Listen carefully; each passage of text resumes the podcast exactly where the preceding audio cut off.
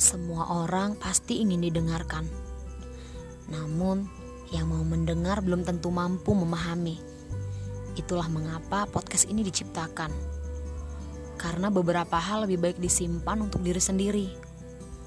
Kadang kita hanya ingin bercerita, tapi tidak kepada siapa-siapa, kecuali diri sendiri. Menuangkan semua keluh kesah yang ada, melepas takut yang mengikat kuat, berharap pekat, tak lagi lekat.